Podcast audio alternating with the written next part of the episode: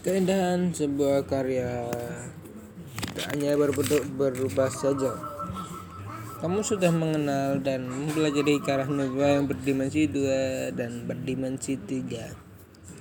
Kamu juga sudah pernah mencoba berkarya seni rupa dua dimensi.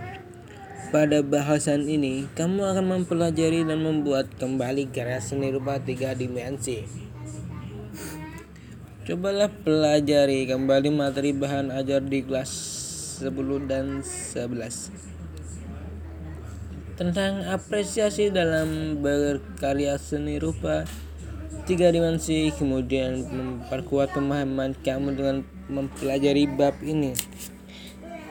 Ketika kamu melihat sebuah karya seni rupa tiga dimensi aspek apa saja yang kamu lihat?